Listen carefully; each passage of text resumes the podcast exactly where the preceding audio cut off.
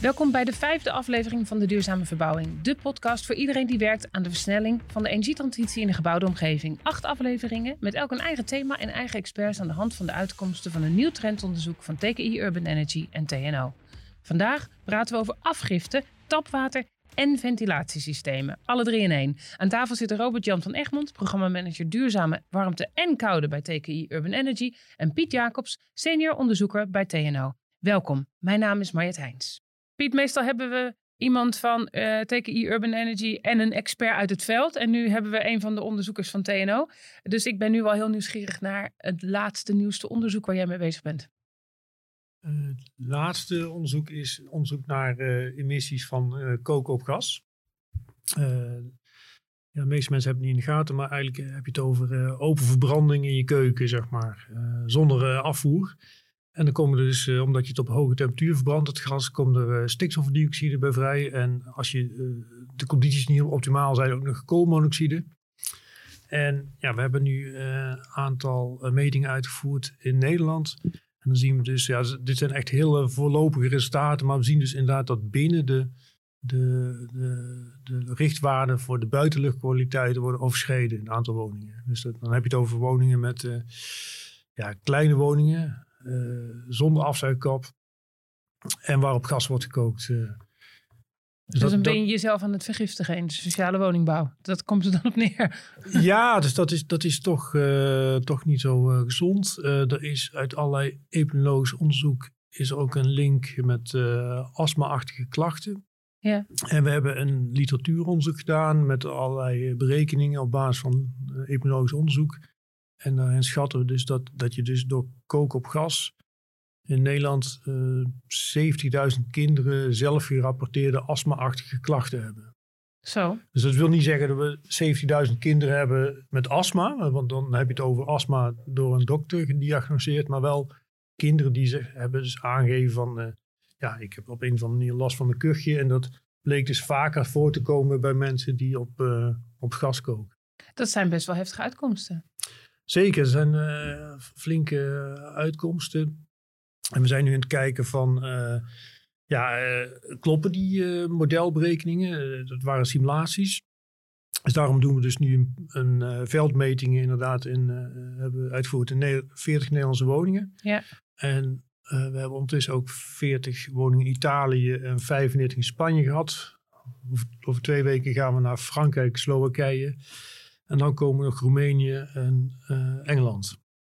En, en uh, uh, hoe gaat het veldonderzoek? Kun je daar al iets over zeggen? Of de, hou je nog even de boel op de borst? Nou, dit, dit is echt een heel nieuwe manier van onderzoeken. Dus waarbij je dus de sensoren uitstuurt. Mensen ontvangen het. Die kijken een video van acht minuten van hoe ze het moeten uitpakken, aansluiten. En volgens maken ze nog een fotootje van, staat alles goed? Nou, dat, dat kun je dan bekijken. En ja, dan na twee weken sturen ze de sensoren weer terug. Uh, wij lezen het dan uit. Maar je, ja, je hebt dus als onderzoeker is best wel lastig, want je zit dus echt op afstand, zeg maar, letterlijk. Hè? Dus, ja. Ehm, maar op zich, ja, de, in Nederland hadden we eigenlijk van de 40 adressen hebben van 37 data. Dus dat is echt ontzettend goed gegaan. Ja, leuk. Nou, goed om te horen. Wel een interessant onderzoek lijkt me, Robert-Jan, of niet? Ja, en ik, ik vind ook de relevantie zeg maar, voor de energietransitie erg boeiend. Want ja. Ehm, uh, zoals eh, sommige van de luisteraars wellicht weten, is dat in Utrecht Overvecht Noord uh, een, een, issue speelde van een warmtenet wat daar ligt, maar ook nog een gasnetwerk. En dat gasnetwerk dat wordt er eigenlijk alleen nog gebruikt om op te koken. En uh, daar wil de, de, de, gemeente graag vanaf, want dat gasnetwerk moet eigenlijk vernieuwd worden voor die paar uh, huizen waar nog op gas gekookt wordt. En uh, nou, dit helpt in ieder geval weer om die laatste mensen ook van het gas af te krijgen. Je kan beter geen open verbranding in je huis hebben. En ja. dat is eigenlijk wat het is. Ja, ja nee, de, nou ja, het, het, is ook, vind ik wel gewenning. Hè? Dus het is een, natuurlijk een gewenningsdiscussie. Waar ben je gewend aan? Ik moest laatst weer op gas koken, alles verbranden. Dus ehm, we komen er wel, maar ehm, dit soort dingen kunnen inderdaad wel een zetje geven de goede kant op. Ja, ook wel interessant is om te melden, als je, als je dus goed in de literatuur kijkt, dan is dus nu uh, elektrisch koken, inductief koken, is ook energiezuiniger dan koken op gas. Dat, dat is iets wat uh, heel veel mensen denken dat het net andersom is. Maar Kijk, als je op gas kookt, zeker met een klein pannetje, gaat er gewoon 70% van de warmte uh, verloren. Gaat er gewoon verloren, gaat er gewoon langs het pannetje. En terwijl je, als je inductief kookt, ja, dan gaat er wel 85% in de pan. Dus gaat er maar 15% verloren. Ja. Dus ja, ook energetisch. Het is qua gezondheid, energetisch, allemaal argumenten om, om over te stappen. Ja. ja. Oké. Hey Robert-Jan, we hebben vier onderwerpen, drie onderwerpen in deze podcast. Waarom heb je die allemaal op een hoop gegooid? Nou, dat is een beetje toch uh, de legacy van mijn voorgangers, uh, vrees ik. Uh, nee, dat is in het, in het innovatieprogramma Duurzame Warmte en Koude. Daar zijn deze onderwerpen eigenlijk in een soort van een van de deelprogramma's terechtgekomen. Um, maar eigenlijk wat we beginnen te ontdekken is dat um, en, en, na die warmtepomp, zeg maar, even als je nou over de echte in-huis technieken kijkt, zijn deze technieken toch wel redelijk belangrijk om, uh, om uiteindelijk die huizen echt aardgasvrij te gaan maken. En uh, we hebben het nu over koken. Dat staat al niet in mijn innovatieprogramma. Dat bestaat natuurlijk allemaal, dat inductief koken. Uh, maar, uh, maar hoe je zeg maar, mensen helpt van het gas af te komen... doordat het eigenlijk een ventilatieprobleem is... Hè, dat is wel heel boeiend. Eh, maar ook uh, ventilatie heeft natuurlijk, eh, als we dan die even meteen bij de kop pakken, daar zitten natuurlijk een hele hoop andere issues ook nog aan, uh, die ook belangrijk zijn. En dat gaat over, nou, we in het voorgesprek hadden we het al heel even over met Pieter, van je wilt warmte terugwinnen. En dus alles wat je ventileert, dus ook met een afzuigkap, eigenlijk onttrek je dan alle warmte die in die lucht zit. Hè, die lucht is opgewarmd, zeker bij koken, maar überhaupt ook met je ventilatiesysteem in woningen. Al die warmte die in die lucht zit, gaat naar buiten. En als je een natuurlijk geventileerd huis hebt, dan gaat er ook een hele hoop warmte met die ventilatielucht mee naar buiten. En eh, die warmte wil je eigenlijk binnenhouden, eh, terwijl je wel verse lucht hebt. Nou, dus dit is een beetje een contradictie eigenlijk in de, in de energietransitie, zou je zeggen. Ja, want verse lucht is koud, tenminste in mijn normale mensenbeleving. Verse lucht is koud, zeker. En, in de zomer wil je die dus. Dat is wel ook wel weer interessant. Hè? Maar in de winter wil je die liefst eh, die koude lucht niet naar binnen hebben. Dat levert comfortklachten op. Nou, aan de andere kant, je wilt wel um, uh, verse lucht hebben en minder vochtige lucht vooral ook. En die is namelijk weer makkelijker om op te warmen. Het kost minder energie om droge lucht op te warmen dan om warme lucht op te warmen. Nou, Piet kijkt wat bedenkelijk, maar er zit wel ergens een soort van verband. Um, je mag hem dus- meteen corrigeren hoor. Ja, ja nee, kijk, dat, dat, ik, ik snap dat dat iedereen wil geloven. Maar als je daar natuurkundig aan gaat rekenen, dan is dat verschil echt zo klein, kun je niet eens meten in een, eh, een veldmeting. Dus dat, dat is het niet, zeg maar. Maar ja, kijk, het is natuurlijk wel belangrijk om te ventileren. En als je, als je slim ventileert, dan, dan ventileer je ook meteen alle verontreiniging weg bij de bron, zeg maar nog beter is om de bron weg te nemen. Dus dat, dat is waar we net over hadden. Hè? Een stap over van, uh, van koken op gas naar inductief koken. Nou, als dat nog moeilijk is, zorg voor een uh, goede afzuigkap. En pas als derde, zeg maar, uh, denk je aan van... oké, dan moeten we die keuken maar meer ventileren. Als je echt maar geen de, de afvalstoffen komen natuurlijk niet alleen uit de keuken. Die komen ook gewoon uit de levende mens zelf. Klopt, ja. ja en ja, eigenlijk het grote heikele punt in bij ventilatie is eigenlijk de ventilatie van de slaapkamers. Want daar inderdaad, uh, daar ben je natuurlijk uh, het grootste deel van de tijd uh, in de woning ben je aanwezig. vaak ook in de oude slaapkamer ook nog met twee personen. En ja, als je dan ventilatieroosters hebt of natuurlijk geventileerd. En Oftewel het raam open. ja, dat moet het raam open. Maar dan, kijk, zelfs al heb je het raam op een kier, dan, dan moet er toch nog een drukverschil zijn tussen binnen en buiten. Want anders komt er geen lucht binnen. En. Als je nou aan de verkeerde kant van het huis zit, aan de lijzijde, dan ook al kun je, zet je het rooster open, dan komt er helemaal geen lucht in die slaapkamer. Oké. Want uh, alle lucht komt aan de kant waar de wind op staat. Die komt daar naar binnen. En die andere kant, de lijzijde, ja, die is gewoon heel slecht geventileerd. Ja, ik snap het, maar ik heb er nog nooit over nagedacht. Nee, en, en als je dus in het, in het veld gaat meten, en dat ja, het zijn uh, diverse metingen, dan zie je dus gewoon uh, gedurende ongeveer 35 uur per week eh, de CO2-concentratie in die, in die slaapkamers te hoog is. Omdat je, ja, ja, als de wind draait, zit je altijd wel een keer aan die lijzijde. En dat, ja, dat is eigenlijk het grote probleem met die, met die, met die ventilatieroosters. En je kunt het oplossen door uh, mechanische ventilatie. Dus, dus er zijn twee mogelijkheden. Je kunt zeg maar mechanische toevoer. Ja. Maar je hebt ook systemen en dat is uh, mechanische afvoer in elke slaapkamer. Ja, en dan weet je ook zeker dat echt lucht, lucht binnenkomt. Eh. we onderbraken jou. nee hoor, dat mag. Nou, kijk, het, het, dat, dat vocht waar we het net over hadden, had een tweede probleem. Want waar we natuurlijk tegenaan lopen nu is als je een huis uh, uh, goed kierdicht gaat maken en uh, goed gaat isoleren, dan ineens is die natuurlijke ventilatie heb je om zeep geholpen. En dus moet je over ventilatie gaan nadenken. Want uh, dat vocht in die woning, dat kan ophopen op allerlei plekken. Uh, en dat kan schimmel veroorzaken en allerlei andere zaken. Daarom zijn mensen met na-isoleren vooral, is dat een, een, een, een, belangrijk thema. Er is een, routekaart voor na-isolatie gemaakt door, uh, door de TKI. Maar, dus je ziet wel dat iedereen toch wel huiverig is vaak om dan heel veel isolatie toe te passen. Uh, zonder dat je ook goed naar die ventilatie kijkt. Ja. En, um, en, dat die huivering om dat isoleren te doen er is, is denk ik goed. Uh, aan de andere kant, dat willen we graag, hè, want dat levert energiezuinige woningen op. Maar dat betekent ook weer dat je toch iets met ventileren moet gaan doen. Nou, en dat, eh, wat, ik, wat ik zelf daar heel boeiend aan vind, is dat het het heel complex maakt. Maar voor de markt is dat niet, niet altijd een zegen. Hè? Dus om aan de slag te gaan met je huis. Oh ja, dus als ik ga isoleren, oh, dan moet ik ook gaan ventileren. Nou, moet ik daar weer een apparaat voor hebben. Oh, en dan moet ik nog dus op een gegeven moment eh, krijg je ook het gevoel bij mensen dat er een soort kerstboom aan apparatuur in je huis is. Hè? Dat, uh... En dat het nooit stopt. En dat het dus ook niet ophoudt. Nee, ja. exact. Ja, hey, dat is uh, ventilatie. En um, um, uh, wil je dit onderwerp eerst afronden en dan verder naar een volgende? Zullen we dat Misschien, even doen? Want anders ja, dan gaat het allemaal door elkaar ja. lopen. Ja, is een goed punt. Er is nog een interessant thema met ventileren en dat is um, oververhitting in de zomer. Ja.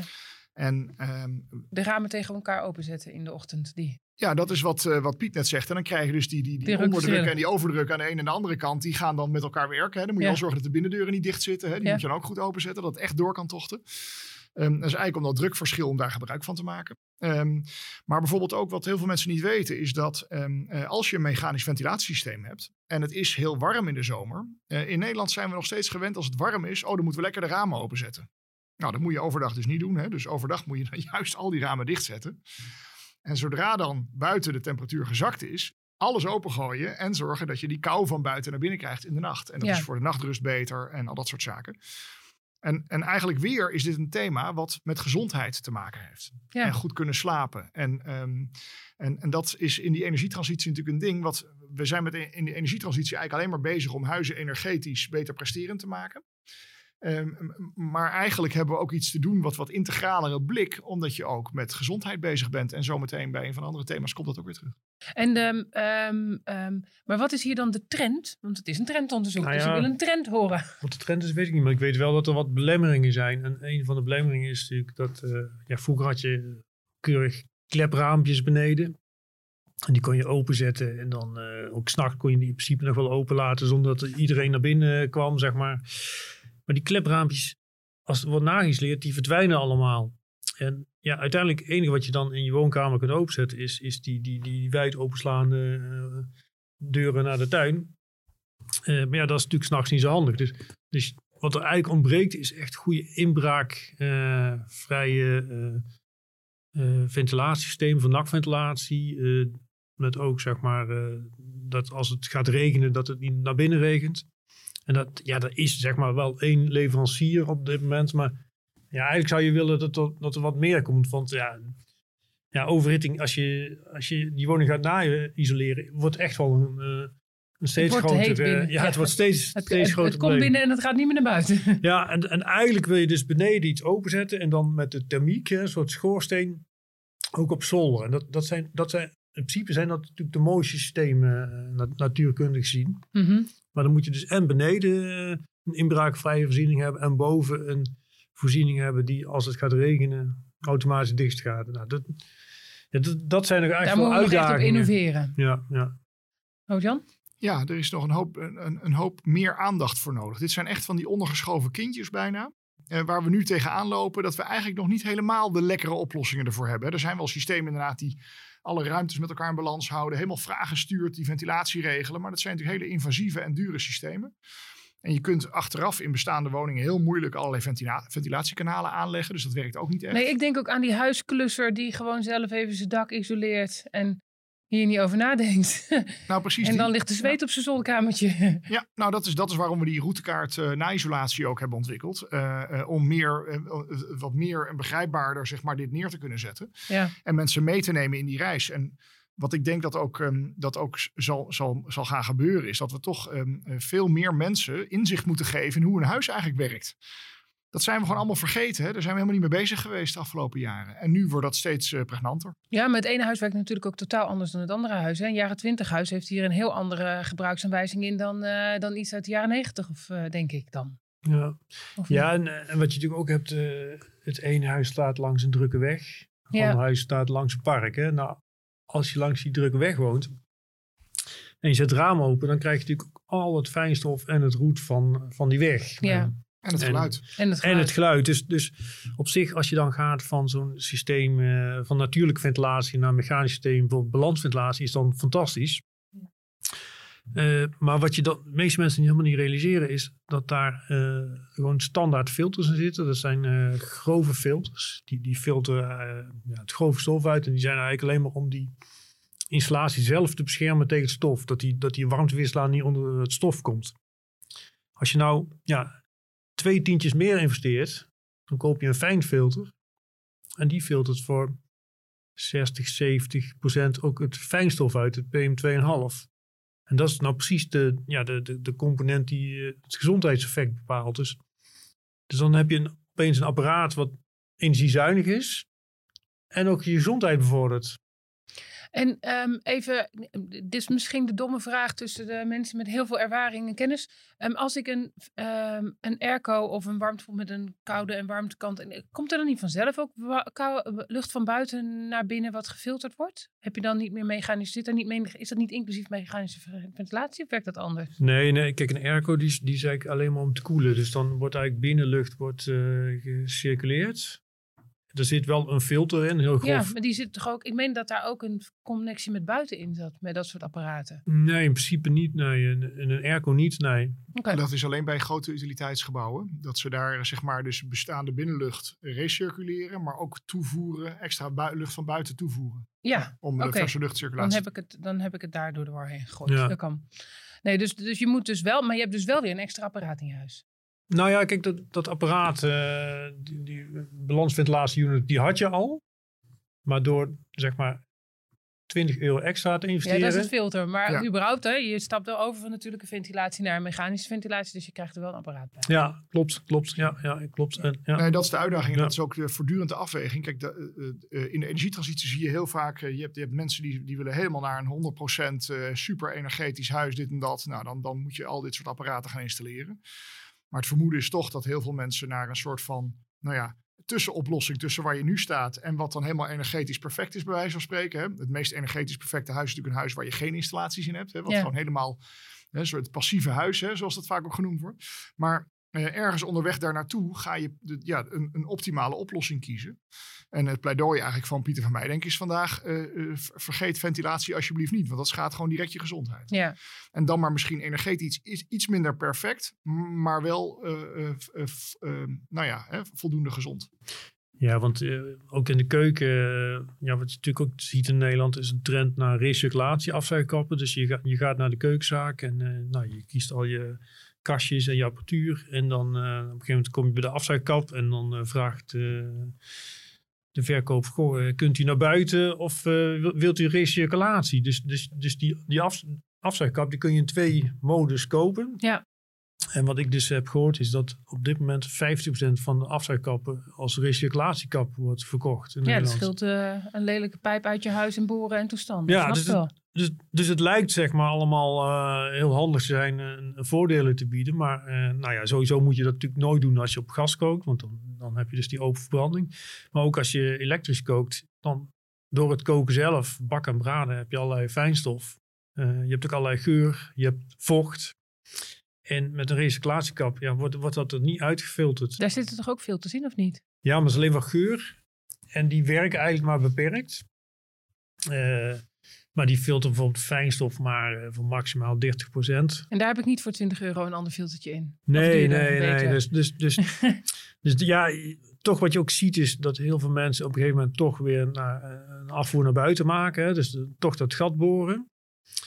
Behalve de mensen die in een appartement wonen. Kijk, die, die hebben een probleem, want die, die mogen niet zeg maar een doorvoer maken naar buiten. Dus, daar, dus daar pleiten we ook eigenlijk al een hele tijd voor van uh, zorg nou voor de, de, appartementen dat dat meteen in het ontwerp ook die, die kookafzuiging, uh, die capaciteit, gewoon een loos kanaal naar het dak, dat het wordt meegenomen. Dus jij bent uh, tegenstander van de recirculatiekap, zo moet ik het nu concluderen? Ja, nou, ik, ik heb dus uh, in Delft heb ik een heel laboratorium om allerlei uh, systemen te beproeven. Ook, uh, we hebben dus uitgebreid recyclatiekappen getest. En ja, helaas, als je kijkt bijvoorbeeld naar fijnstof en vocht ja, dan ook, en ook warmte, ja, dat wordt allemaal niet afgevoerd. Dus, ja, oké, okay, interessant. Ik zal, het, het, zal thuis melden.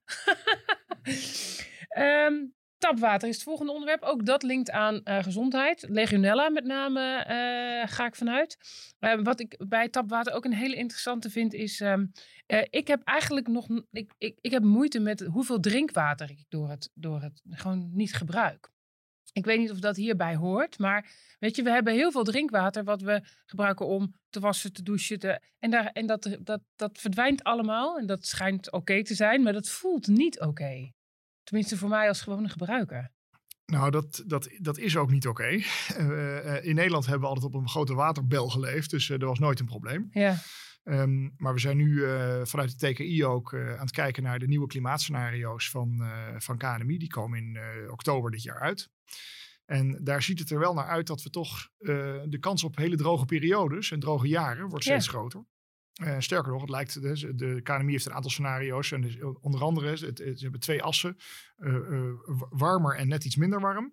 En ze hebben droger, natter. En dat zijn een beetje de, de kwadranten waar we nu naar kijken.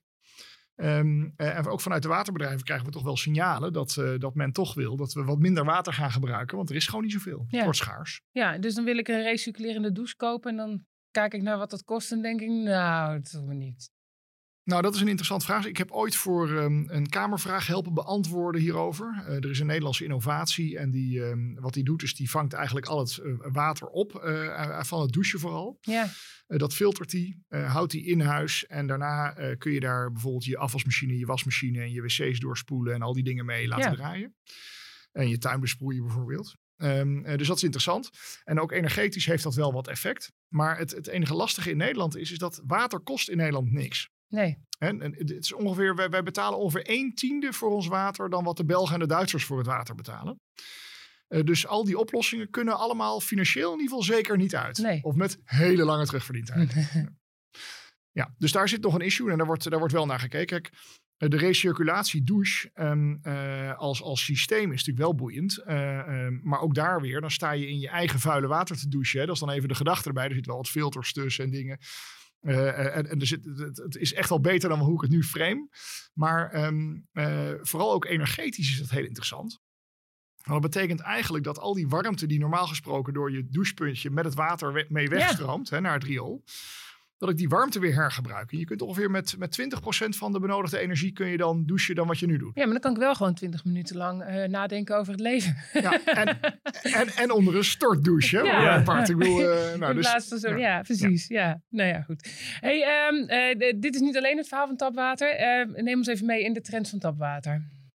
Nou, in tapwater zitten, zitten er wat, wat, wat, wat zaken die spelen. Er zijn, ik wil eigenlijk twee punten erin noemen. Eén is um, uh, de, de, eisen voor uh, de veiligheid. Ook hier weer een veiligheidsissue. Dus het gaat dan over legionella legionella-vorming. Ja. Uh, wat het beste groeit, zeg maar, ergens tussen de 25 en 50 graden. Um, en wat hebben wij nou nodig om te douchen? Is een graad of 40. Hè? Dat, is, dat is waar je onder doucht. Um, uh, en het tweede punt is eigenlijk dat gaat over um, dat tapwater. Nu, nu hebben we een gasketel en die gasketel die kan eigenlijk alles. Dus een wonderding eigenlijk. Hè. Die kan zowel uh, warmte voor je huis maken, die kan uh, je tapwater kan die maken en met, die heeft voldoende vermogen om instantaan zeg maar jou um, aan te gaan en jou direct warm water te geven onder de douche met hoge volumes, waar heel veel vermogen voor nodig is. Dus heel veel gas moet er verbrand worden om dat water op die temperatuur te krijgen. Uh, wat we zien is dat bij de nieuwe technieken, dus denk even aan warmtepompen. Warmtepompen zijn, uh, kunnen supergoed langzaam uh, warm water staan maken. en dan met een aardige efficiëntie. Maar die warmtepomp kan niet zeg maar het vermogen leveren om direct te kunnen douchen. dus dat betekent dat er altijd een buffervat nodig is. Hè? Dus een, een, een boilervat wat dan ergens staat. Wat, dat warmtepompje kan het de hele dag lekker vullen. En dan aan het einde ga jij douchen en dan trek je dat boilervat leeg. Ja. nou, wat betekent dat? Dat als je met die nieuwe technieken aan de slag gaat, is dat uh, uh, tapwater leveren en ruimteverwarming vragen dus eigenlijk een heel ander apparaat, zou je kunnen zeggen. Die warmtepomp kan het wel, maar die moet het dan heel langzaam doen. Um, dus eigenlijk zijn we voortdurend op zoek naar... naar de oude gijzer in de, uh, gijzer in de keuken. Dat is nou, waar, waar, je me nu aan doet denken. Precies, maar eigenlijk willen wij dus liever niet meer dat er iets verbrand wordt in een woning. Nee. Dus uh, iets met gas en zo en uh, uitstoot. Um, dus we zijn op zoek naar toch meer elektrische technieken of warmtenetten. Ja. En um, uh, eigenlijk in die configuratie zitten we nu te zoeken van hoe kunnen we tapwater maken en de verwarming van je woning wat meer uit elkaar trekken. Waarmee dat tapwater zeg maar ook een eigen leven gaat leiden. Dat je daar veel meer innovatie op gaat uitlokken. Um, waardoor bijvoorbeeld een laag temperatuur warmtenet, uh, waarmee je prima je huis warm kan houden, maar waar je niet meteen mee kan douchen, um, uh, dat dat ineens heel, heel bereikbaar gaat worden. En energetisch veel efficiënter. Want uh, zoals de meeste mensen niet weten, een warmtenet in de zomer, wat zeg maar op een graad of 70, 80 zeg maar naar die woningen toe gaat. Dan ben je dus de hele zomer dat hele warmtenet ben je warm aan het houden. Voor dat kleine beetje tapwater wat je overal leeft, levert. Uh, dan, die, dan, dan, dan zijn de verliezen na vanand. Ja, de verliezen zijn dan praat je over, weet ik wat, uh, uh, ik heb wel eens ergens 70, 75 procent verlies. Warmteverlies gehoord in de zomers. Ja, je hebt de onderzoeker aan tafel ja. zitten. Die weet het beter, denk ik. Ik weet niet hoe goed, jij, hoe goed Piet het weet, maar dit soort, dit soort verliezen die gaan wel wat rond. Nou ja, ik, ik, ik weet het niet zozeer voor warmtenet, maar ik weet wel bijvoorbeeld in de, in de zorg en ziekenhuizen heb je zeg maar circulatiesystemen. Daar heb ik ook wel van gehoord dat tot 70% van de warmte eigenlijk gewoon verloren gaat. Dus, dus, dus moet je voorstellen dat die leiding loopt door heel het ziekenhuis. Overal uh, eh, 65 graden wordt rondgepompt. Dan gaat terug naar de kelder. Hup, en, ja, en, dat gaat natuurlijk heel het jaar door. Dus ja, eigenlijk het deel dat de mensen daar douchen is maar heel klein. En dat, dat, dat is energetisch het probleem. En, maar je hebt daar het andere probleem is, als je daar dus die 65 graden leiding in de schacht hebt, met daarnaast de koudwaterleiding. Dan gaat gewoon die koudwaterleiding, hoe goed je het ook isoleert in die schacht, die gaat gewoon opwarmen tot boven de 25 graden. Dus je krijgt daar gewoon legionelle problemen. Ja. En wat ik me heb laten vertellen door de uh, waterleidingbedrijven is dat je dat ook zelfs bij een warmtenet in de wijk, dat je dat soort problemen ook kunt gaan krijgen. Zeg maar. Dus als je dus uh, zo'n warmtenet hebt op 50 graden en daar ligt zeg maar de drinkwaterleiding naast, onder de weg, dat dat die ene de andere kan opwarmen. En ja, dat dat toch wel een beetje problemen gaat geven. Dus, dat je dan met 20 graden, 25 graden al bij de meterkast uh, binnenkomt in je woning. Nou, en dan, uh, ja, dus dan is, is de marge voor Legionella is gewoon heel klein inderdaad. Uh. Ja, en, en hoe lossen we dit op? Uh, nou, dat, uh, uh, dit, lossen we dus op door, en, dat, en gelukkig ontstaan die ook wel, is door steeds meer innovatie uit te lokken. Uh, op dit thema. Uh, nou, Piet heeft Hierbij zelf. de oproep aan iedereen met een goed idee. Uh, zeker, ja. um, Piet heeft zelf hard gewerkt aan het Meet douchesysteem, wat inmiddels op de markt is. Um, dat is een volledig elektrisch douchesysteem, waar gewoon op de plek zeg maar, de warmte wordt gemaakt, volledig elektrisch. Um, daar hoef je niet meer ergens anders in je huis nog een, een, gijzer of een boilervat of wat ook heb je niet meer nodig. Dat zit volledig in de wand van de douche weggewerkt. Zo. Um, uh, dus dat is heel erg interessant voor, uh, voor zeker voor renovatieprojecten en dergelijke. Uh, maar het interessante is ook dat dat systeem aan zich, dat is de oplossing voor je douche. Wat je heel vaak al ziet is in de keuken. Dat mensen daar een ander elektrisch systeem, hè, dus een, een, een plintboiler of een, een, een close-in boilertje of bijvoorbeeld een koekerachtig systeem, zo'n zo'n zo'n ja. kokend watersysteem.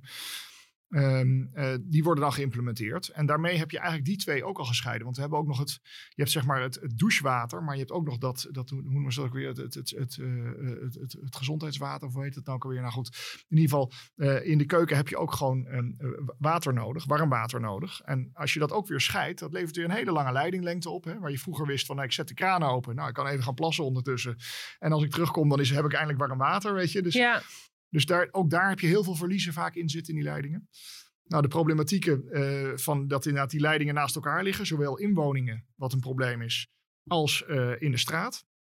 En dat komt allemaal, en ook die warmtenetten worden vaak uitgelegd op die hoge temperaturen, omdat je meteen in die woning dat tapwater wil leveren. En eigenlijk willen we dus zorgen dat, dat we mensen uitdagen dat die, die, die, die temperatuur in die warmtenetten, daar willen we graag van dat die omlaag gaan, omdat het allemaal veel efficiënter is. En uh, uh, dat je veel minder warmteverlies hebt. Maar wat hebben we daarvoor nodig, is dat in die woning die warmte uit dat warmtenet efficiënt op een slimme manier opgewerkt kan worden naar wat, wat dan wel uh, douchewaardig is. En is daar nog onderzoek voor nodig? Of zijn we, zijn we daar al uit op onderzocht? Is het nu gewoon een oplossing bedenken die werkt? Nou ja, ja er, zijn, er zijn inderdaad wel, uh, er zijn wel oplossingen, maar eigenlijk nog uh, te weinig. En ze worden nog te weinig toegepast. Want ik wil eigenlijk, eigenlijk een stapje terug doen, want douchen is gewoon iets heel raars. Hè. Ik, ik ben uh, eigenlijk van oorsprong procestechnoloog. En ja, ik, ik weet dus hoe een chemische fabrieken, dat, dat is een, een en al warmtewisselaar. Dus ja, je probeert zoveel mogelijk warmte terug te winnen. Maar bij douchen gaat gewoon 18, 27 kilowatt gaat het putje in. Ja. Ja, dat is gewoon zonde. Want in principe, als je daar een goede warmtewisselaar zou hebben, dan zou je gewoon feitelijk gewoon alles kunnen terugwinnen. Dat doen we bij ventilatie. We hebben tegenwoordig balansventilatie met warmte-terugwinning. Hebben we ook 95% rendement. Dus ja, ik dacht uh, een jaar of uh, zeven geleden van nou, dat, dat moet toch bij douchen ook kunnen. Ja, Tuurlijk. Het moet, nou, we hebben toen in 2014 hebben we gemeten, praktijkrendementen. Mensen met een douchewarmtewisselaar 20% gasbesparing. Nou, dat is in deze tijden klinkt dat denk ik bij mensen met een gasrekening en een douchehobby als muziek in de oren. Nee, maar 20% gasbesparing op het douchen. Ja. Eigenlijk wil je gewoon bijna 100% besparing. En dat vind 20 ook al een leuk stap. Nou, ik, ik, ja, ik vind 20, eh, ja, nee. Uh, kijk, uh, dat was een douchewarmtewisselaar en die, in principe had hij dan uh, 60% uh, rendement. Dus zou die 60% van de warmte terug moeten winnen. Alleen dan heb je het over een component. En je moet eigenlijk naar het hele systeem kijken. Heel systeem waar, eh, wat je nodig hebt om ja, warmte, warm water in die douche te laten komen. En uh, je, hebt daar overal verliezen, zeg maar. De eerste verlies is eigenlijk al als je de kraan openzet, uh, dat je dan bijvoorbeeld een minuut moet wachten, wat je wat zei, uh, voordat er warm water uitkomt. Nou moet je je voorstellen dat je acht minuten doucht de eerste minuut gaat verloren, heb je al 10% verlies te pakken. Ja. En waterverlies. En waterverlies. Want, ja, en, ik, ik heb dat thuis namelijk ook. Ja, het is echt uh, bizar. Uh. En dan de tweede is, nou, dan heb je, dan heb je dus zo'n, uh, zo'n, dan heb je zo'n douchekop. Dan komt het dan bijvoorbeeld met 40 graden uit. En nou, jij staat er lekker onder en het spettert wat. je ziet het stoom opstijgen. Het loopt lekker over de tegels. En dan is, het komt dus met 40 graden uit de douchekop. En het gaat met 34 graden uh, het putje in. Putje in. 6 graden verlies. Ik denk, ja, wat, wat is nou 6 graden? Maar als je kijkt van dat water is gemiddeld 15 graden als het de woning binnenkomt. Je moet het opwarmen naar 40, dat is 25. Dan is 6 graden verlies al een kwart. Nou, we hadden net al 10% voor, de, voor dat je die minuut moest wachten. Ja, en dan heb je nog van hoe is die warmtewisselaar aangesloten. Uh, warmt die al het water voor? Want eigenlijk moet je voorstellen, zo'n douchewarmtewisselaar, daar komt het uh, koude drinkwater gaat erin. Uh, met 15 graden wordt opgewarmd. En dan gaat het, als het goed is, naar de mengkraan. En naar de boiler, naar je cv-ketel. Maar ja, als je gaat renoveren en je moet die laatste leiding aanleggen. Van zeg maar de meterkast naar zolder dat is best wel een gedoe. Dus die laten we zeg maar weg. Dus waar het dan op neerkomt is dat die douchewarmte weer zeg maar de helft van het water opwarmt. Dus we hadden net al, hadden we al 35% verlies. We zaten op 65%. Dat moeten we nog door twee delen. En dan kom je op uh, iets, iets meer dan 30%. Dus, dus iets wat echt al uh, prachtig begint. Uh, eindigt zeg maar in een ja, heel laag rendement. Omdat je niet naar het systeem kijkt. En dat hebben we eigenlijk met de meet uh, hebben dat eigenlijk meteen van het begin af aan proberen te ontwikkelen, zodat je eigenlijk alle, alle verlies probeert te elimineren. Dus we hadden zeg maar een douchecabine die zorgde dat, dat je geen verdampingsverlies had, geen, een, een douchebak dat je geen verlies had naar de vloer. de boiler die, die, die zit zeg maar in de cabine geïntegreerd. Nou, dan heb je dus ook, als je de kraan openzet, heb je meteen warm water. Hè, binnen, binnen seconden, net, net als met, met, met een koeker, zeg maar. Dus op, uh, en er zit een warmtewisselaar die in 80% terugwint. Mm -hmm. Nou, van, van die 80% houden we bij de meet, hebben we uit uitgebreide veldsproeven, hou je zeg maar 70% over. Dus er stroomt koud water uiteindelijk door je putje? Ja, als je dus eh, onderin gaat voelen, na de warmtevlieslager, dan is het bijna koud water inderdaad. Ja, dat is, dat is echt uh, onvoorstelbaar uh, goed hoe die warmtevlieslager En dan even de vrouwenvraag, is hij ook nog mooi? ja, dat, kijk, dat, dat precies. En dat is, dat, dat is een hele goede vraag. En uh, we, hebben, zeg maar, we zijn begonnen in, in de sociale woningbouw en met, met douchecabines. En, en toen zijn we overgestapt naar particulieren. Ja, die wil toch een inloopdouche. Nou ja, dan heb je natuurlijk wel wat verdampingsverliezen. Maar ja, nog steeds 60% systeemrendement. En ja, wat, waar we nu zeg maar uh, ook samen met, uh, met Beet mee, mee bezig zijn, is om te kijken van ja, hoe kun je dat nou zo mooi integreren dat je er eigenlijk niks meer van ziet. Ja. Want dat, dat is het gewoon. En, maar dit, is toch, dit zijn van die innovaties. Weet je, ik vind een, uh, zo'n voorbeeld waarvan ik denk, ja, super, super mooi, onda, helemaal uitgezocht en uitgedacht. waarom knalt dit niet de markt over? Net zoals zo'n recirculatiedouche of wat, wat, wat maakt dat we hier huiverig voor zijn of zo? Of zijn we niet huiverig? Nou, dat is een, goede vraag. Kijk, um, uh, wat ik, een, het eerste wat ik zie is dat dit soort ontwikkeling, daar gaan jaren overheen voordat het product dan echt af is, getest is. Eerst een pilot in labsituatie, dan gaan we het in een paar woningen toepassen. Dan, gaan we, uh, het moet, dan moet er een BV ontstaan die dat dan echt gaat maken. Of met een andere grote partner in dit geval, hè, dat dat uh, productiefaciliteiten uh, dan moet je het op de markt gaan brengen. Nou, dan is het natuurlijk de ingewikkelde uitdaging kostprijsdaling die je nodig hebt. Hè, want het zijn natuurlijk relatief dure systemen. Ja. Uh, hoe maakt dan het hele ecosysteem in die markt, raakt die bekend met zo'n systeem? Nou, vanuit de TKI hebben we dan uptempo.nu, hè, waar die ook op staat. Om iedereen maar te bevlekken met al deze gave innovaties en te laten zien, jongens, dit is er allemaal. En vooral mensen de ogen te laten openen van oké, wat, wat, wat levert je dit nou op in een woning? Uh, en als je gaat renoveren, dat het veel makkelijker wordt om die renovatie te doen.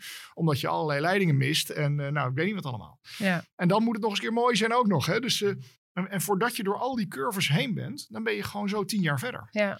En dat is natuurlijk waar we nu eigenlijk helemaal geen tijd meer voor hebben. en en dat, dat baart me dan ook wel eens zorgen dat we vanuit innovatie echt nog wel dingen zien die echt enorm moeten verbeteren.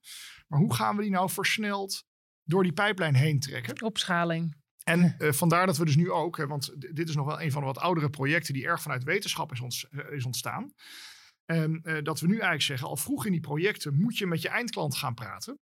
en gaat design bijvoorbeeld waarschijnlijk een veel belangrijkere rol spelen op, het, op, op een eerder moment. Zodat je een aantal, nou ja, hopelijk een paar jaar winst kan pakken in zo'n project. Ja, ja. ja. ja. Ja, want we zijn inderdaad echt een beetje vanuit de wetenschappen. Van, wat is het technisch maximaal haalbaar, zijn we, zijn we gestart. En, en je merkt gewoon dat, dat uh, het gaat toch om in de praktijk om andere dingen. Dat, uh, het, het, moet niet te duur zijn, het moet praktisch zijn.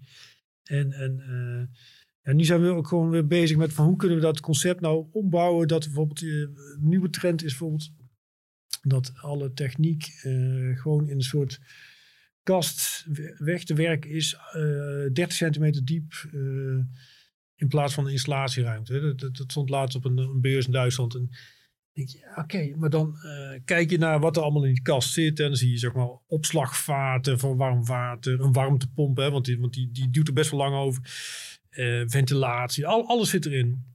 En hé, hey, maar de, we, kunnen, we kunnen die opslagvaten met die uh, douchewarmtruckwinning, die kunnen gewoon een factor 3 kleiner maken. Nou, dat is, dat is praktisch. Dan wordt die kast weer kleiner. Maar wat ook heel belangrijk is, dat, dat je dan ook de stilstandsverliezen uh, verkleint. Want, want zo'n heel groot vat, ja, als je niet oppast, dan ben je gewoon 100 watt uh, kwijt. Gewoon een, een, verlies. Easy. Easy. En, en, en, dat, en dat is ook bijvoorbeeld, uh, nou, je ziet dus nieuwe dingen in, in, in de markt van dat ze aan het kijken zijn, ja, kan het verlies vrijen bijvoorbeeld. Ja. dan dan, dan moet je dus ja, kijk, voor Koeker die heeft zo'n uh, roeststalen dubbelwandig uh, met, met vacuüm tussen. Nou, je hebt bijvoorbeeld nu een bedrijf, een spin-off van TNO Newton. En die heeft dan uh, ja, ook feitelijk zo'n zo zo'n concept, maar dan veel groter. Waarbij je dus verliesvrij uh, water kunt bewaren. Bijna helemaal verliesvrij. Ja, bijna. Zes bijna. geloof hey, en we, gaan nog, we ja. hebben nog een derde onderwerp Ja. en anders lopen we verschrikkelijk uit tijd. Dus dat wil ik niet. Um, afgiftesystemen, oftewel verwarming, zeg ik dan in gewone mensentaal. Ja. Toch? Ja, nee, we- we- we- vorig jaar hadden wij een, eh, een congres georganiseerd en dat heet eh, Klaar voor Lager. En eigenlijk, ehm, ehm, kijk, als je woningen gaat renoveren, heel vaak zeg je, hè, de, de- iedereen zegt doe de 50 graden test in je woning. Kijk of je met 50 graden, of je eh, je huis warm kunt houden. Want dan ben je klaar voor de warmtepomp. Uh, stel dat dat niet lukt, moet je gaan isoleren. Um, uh, nou, dat is, maar niet iedereen kan isoleren. Uh, soms is het ook handig om. dus alleen kijken naar isoleren vinden we eigenlijk wat te eng. Hè? Dus je zou kunnen zeggen: nee, als ik nou kijk naar mijn afgiftesysteem. Of je het redt met die 50 graden, heeft te maken met het oppervlak van je afgiftesysteem. En de hoeveelheid warmteoverdracht die je in je woning kan laten plaatsvinden. Um, dus je kunt zo ook kunnen zeggen: Nou, nee, ja, ik, ik ga mijn afgiftesysteem aanpassen. Dus bijvoorbeeld met een grote vloerwand of plafondverwarming aan de slag. Uh, of ik neem een, een, speciale radiator met allerlei slimme fans erin. Um, uh, een convectorradiator, zeg maar, waarmee je nog veel meer vermogen kunt leveren. Ondanks dat die temperatuur maar nou ja, ergens onder, onder de 50 graden zit. Ja. In mijn woning bijvoorbeeld wordt, wordt de temperatuur pas 35 graden, dus nog veel lager, als het min 10 is. En daar blijft die woning mee warm. Dat is een nieuw, nieuw huis, hè, 12, 13 jaar oud. Maar um, uh, ook bij oudere huizen uh, uh, zien we ook weer een interessant fenomeen. Um, vroeger kon men nog niet zo goed rekenen. Dus waren al die afgiftesystemen die waren overgedimensioneerd. Hè. De radiatoren die in die woningen staan, hele grote, lompe radiatoren. Over de tijd zijn mensen met dubbel glas aan de slag gegaan. Misschien een keer een spouwmuur of een vloerisolatie, een dakisolatie en wat dingen gedaan aan het huis. Nou, die, die, die afgiftesystemen zijn alleen maar verder geoverdimensioneerd geraakt. Eigenlijk te groot voor het huis wat dat nodig heeft. Dus voor heel veel woningen merken we nu ook, hè, dus onderzoek vanuit Warming Up, vanuit het consortium, dat 60% van de woningen al klaar is om met een lage temperatuur warm te kunnen houden. Nou, dat is natuurlijk super interessant gegeven. Dan is het, het is een soort eh, stammenstrijd tussen de voor- en tegenstanders van lage en hoge temperatuur hierin, of niet? Mag ik het zo noemen? ja, nou, ik, ik, denk niet dat het een stammenstrijd is. Iedereen in de wereld, een beetje vanuit natuurkundige principes, weet dat hoe lager de temperatuur die je nodig hebt om je huis te verwarmen, hoe efficiënter je die temperatuur kunt leveren, in een warmtenet heb je minder verlies. Je warmtepomp gaat met een hogere efficiëntie draaien hè, op die lage temperaturen. Dus iedereen, dat is verder, daar is geen spel tussen te krijgen. Nou is het alleen de stammenstrijd die er plaatsvindt, is dat uh, vanuit de meer de traditionele uh, uh, denken in warmtenetten wil iedereen graag niet achter de voordeur dingen doen. Dus die zeggen, nou wij leveren gewoon een warmtenet waarmee je ook meteen kan douchen. Dus 70 plus graden aan de voordeur. Uh, dan hoef je in die woning namelijk niks te doen. Ja. En dan hoef je dus je afgiftesysteem niet aan te passen. Hoef je eigenlijk niet, nog niet te isoleren om die woning warm te kunnen houden. Um, maar, eigenlijk vanuit de TKI zeggen we van, uh, proberen we in ieder geval het denken aan te jagen. Dat we zeggen, kijk, um, uh, de efficiëntie, de energetische efficiëntie van die systemen gaat zoveel vooruit. Als je wel ook naar die woning kijkt. Um, uh, en, en dat levert dus heel wat op. Kijk, in, in warmtenetten, maar dat was eigenlijk de andere podcast. Ja. Hè, de, de, wat we daar zagen is dat, um, uh, en dat zie ik ook nog, hoor ik nog steeds heel veel. Om snelheid te maken in wijken wil je graag dat je achter die voordeur niks hoeft te doen. Want met die 70 graden netten hè, kun je direct alles oplossen. En kun je dat direct bij die woning naar binnen brengen. Alles opgelost. Alleen het risico is, en het voorbeeld kwam al even voorbij van dat koken in Utrecht Overvecht Noord. Hè, die laatste der Mohikanen die weigeren hun huizen aan te passen. Uh, zullen ook in de weg zitten om dat net omlaag te krijgen. Ja. Nou, en dan zou je de gedachte ook kunnen omdraaien, mits we slimme tapwatertechnieken hebben die uh, zeg maar dat tapwater los kunnen trekken van die warmtelevering in dat warmtenet. Dat je, en dus ook slimme radiatoren wellicht, hè, die je nodig hebt om die lage temperatuur warmte, dat dat genoeg is om dat huis warm te houden. Um, dat we zeggen, nou ja, probeer nou toch verder te kijken. Leg dat warmtenet nou op die lage temperatuur aan en neem dat als vertrekpunt. En uh, maatschappelijk is dat in die end de goedkoopste weg. In plaats van straks strijd te voeren met de mensen die niet in temperatuur omlaag willen. Uh, begin nou met die lage temperaturen. Nou, dat levert dus op dat je met afgiftesystemen en daar slimme innovaties in, in leveren. veel meer kennis over opdoen ook nog. Hè, want we weten het gewoon ook allemaal nog niet precies. Want nou, voorheen was het verhaal, iedereen moet aan de vloerverwarming. Maar dat hoeft dus ook niet meer. Je nou, kunt ook gewoon een kleinere radiator toestaan. Uh, er zijn dus nu ook mensen die zeggen een slimme convectorradiator is zelfs zuiniger dan een vloerverwarmingssysteem. Ja. Kijk, bij vloerverwarming ben je het hele vloerpakket aan het opwarmen. En uh, heeft nachtverlaging geen zin. Ja. He, want dan, uh, dat duurt weer te lang s ochtends, dus dat schiet eigenlijk niet op. Met die convectorradiatoren ben je toch de lucht aan het opwarmen. En zou je toch weer wat nachtverlaging kunnen toepassen. En dat zou zomaar eens kunnen opleveren dat je dan in het hele systeem toch weer net iets efficiënter bent. Omdat je dan niet de hele nacht je woning uh, op die hoge temperatuur hoeft te houden. Ja, ja dus, en, en, en uh, wat, wat ook vaak wat, uh, vergeten is, wordt ook vloerverwarming toegepast in slaapkamers. En slaapkamers heeft natuurlijk meerdere functies. Dus je slaapt, nou dan wil je het een beetje fris hebben. Dan ga je zeg maar tegenwoordig studeren of werken, wil je het warmer. En als je dat met vloerverwarming doet, dan lukt het niet om op tijd zeg maar, die temperatuur omlaag te krijgen. Dus wat, wat zie je dan dat uh, woningeigenaren en huurders doen? Is, die zetten gewoon het raam open in de winter ja. om weer een frisse slaapkamer te krijgen. En dan, ja, dat is natuurlijk net niet de bedoeling. Dan en, dan, en dan is dus een, een, zo'n, inderdaad zo'n convector, uh, ja, die is natuurlijk bij uitstek geschikt voor, voor de slaapkamer. Ja. Oké. Ja, daar zit dan misschien nog een beetje een geluidsissue in. Hè? Zeker als er van die actieve fans in zitten. Om het vermogen van die radiatoren op te krikken. Um, dus daar zit dan een beetje de uitdaging in. Om dat te, dat te verbeteren en, uh, en, en stiller te krijgen en efficiënter. En um, als ik het nu, we hebben deze drie onderwerpen samen behandeld in een podcast die al wat meer dan 40 minuten duurt. Dus we gaan ook richting een afronding toe. Um, waar ik, um, je, zei aan het begin, we hebben dus op een hoop gegooid, want het was allemaal een beetje ondergeschoven kindje. Dat is het dus nu nog steeds, want we handelen er de drie tegelijkertijd. Waar ik, als ik het zo voel, ook nog wel drie aparte podcasts had kunnen maken per onderwerp. even een, uh, een, uh, een laatste afsluiting. Wat ik hoor is, als ik het zo samenvat, bij alle drie geldt dat er heel veel slimme innovaties zijn, in de maak zijn, lopen, maar ook nog veel te ontdekken is. Om het, hè, uh, om het nog efficiënter, nog slimmer, nog beter te doen. Maar dat, dat het wel heel erg hangt op wat je als zeg maar, woningeigenaar zelf doet. Mag ik het zo. Ja, wij noemen het ook wel. Wat is nou de, de ultieme configuratie van een woning? Dus het, het gehele systeem wat je in je woning straks aan gaat leggen. Dus, Ja. de, maar alle installatietechniek, zeg maar even hoe dat goed ook met elkaar samenwerkt. Niet tegen elkaar inwerkt, maar ook uh, wat een, het, het, totale plaatje gaat zijn voor die woning. En Ja. waarmee je dus de, de hoogste efficiëntie en de hoogste gezondheid uh, haalt. Ja, nou ja, en daar heb ik misschien nog wel wat hulp bij nodig van een energiecoach of een Nou ja. Hè? We zijn er wel mee bezig om, om dat eh, zeg maar eh, met monitoring. Dus dat je zeg maar. eh, we hebben de afgelopen jaren het programma van eisen gezonde woningen ontwikkeld. Samen met andere partijen. Dus dat gaat niet meer om eh, over energie, maar het gaat echt over gezondheid. En eh, ja, een van de dingen is dus, dus je kunt iets ontwerpen zeggen, en zeggen, ja, dit wordt een gezonde woning. Maar, maar het idee is ook dat je dus dat programma van eisen gebruikt om, als die woning er eenmaal is en wordt gebruikt, om dan continu te monitoren, hoe gaat het in die woning? Hoe is het met binnenmilieu? Eh, wordt er voldoende geventileerd? En dat je dan ook nog eh, kunt bijsturen, zeg maar, van goh... misschien moet je da- daar eens naar kijken, ventilatie hoger zetten als je aanwezig bent thuis, als je, als je er bent. Eh, want veel mensen, als ze thuis zijn, eh, staat een ventilatie nog steeds in laag stand. Dus, dus ik denk dat daar met, ja, met, met die moderne sensoren heel veel eh, mogelijk is. Heel veel winst te behalen is. Ja, en, en inzicht van bewoners. Hè? Dus een bewoner die een, een, een sensor heeft hangen waarmee die kan zien wat de kwaliteit van de, van de binnenlucht is, gaat je natuurlijk echt een hoop opleveren. Ja, Eh, want dan zien ze ineens, oh, het aantal ppm's in welke vorm dan ook is te hoog. Eh, dus ik moet ventileren. En dat wisten we gewoon niet. nee, nee, nee. Nou, ik eh, kijk uit naar de app. ik heb wel behoefte aan die hulp. Jullie zitten een beetje neus in dat ding. Ik, niet, ik, ik niet, doorgaans niet, maar ik vind het wel heel interessante informatie om als be- bewoner te hebben.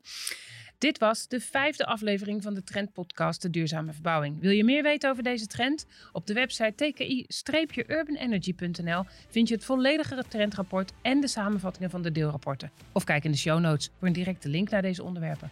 De volgende keer duiken we, wederom met Robert-Jan, in de wereld van warmteopslag. Een logisch vervolg van waar we vandaag over hebben gesproken. Dankjewel voor het luisteren.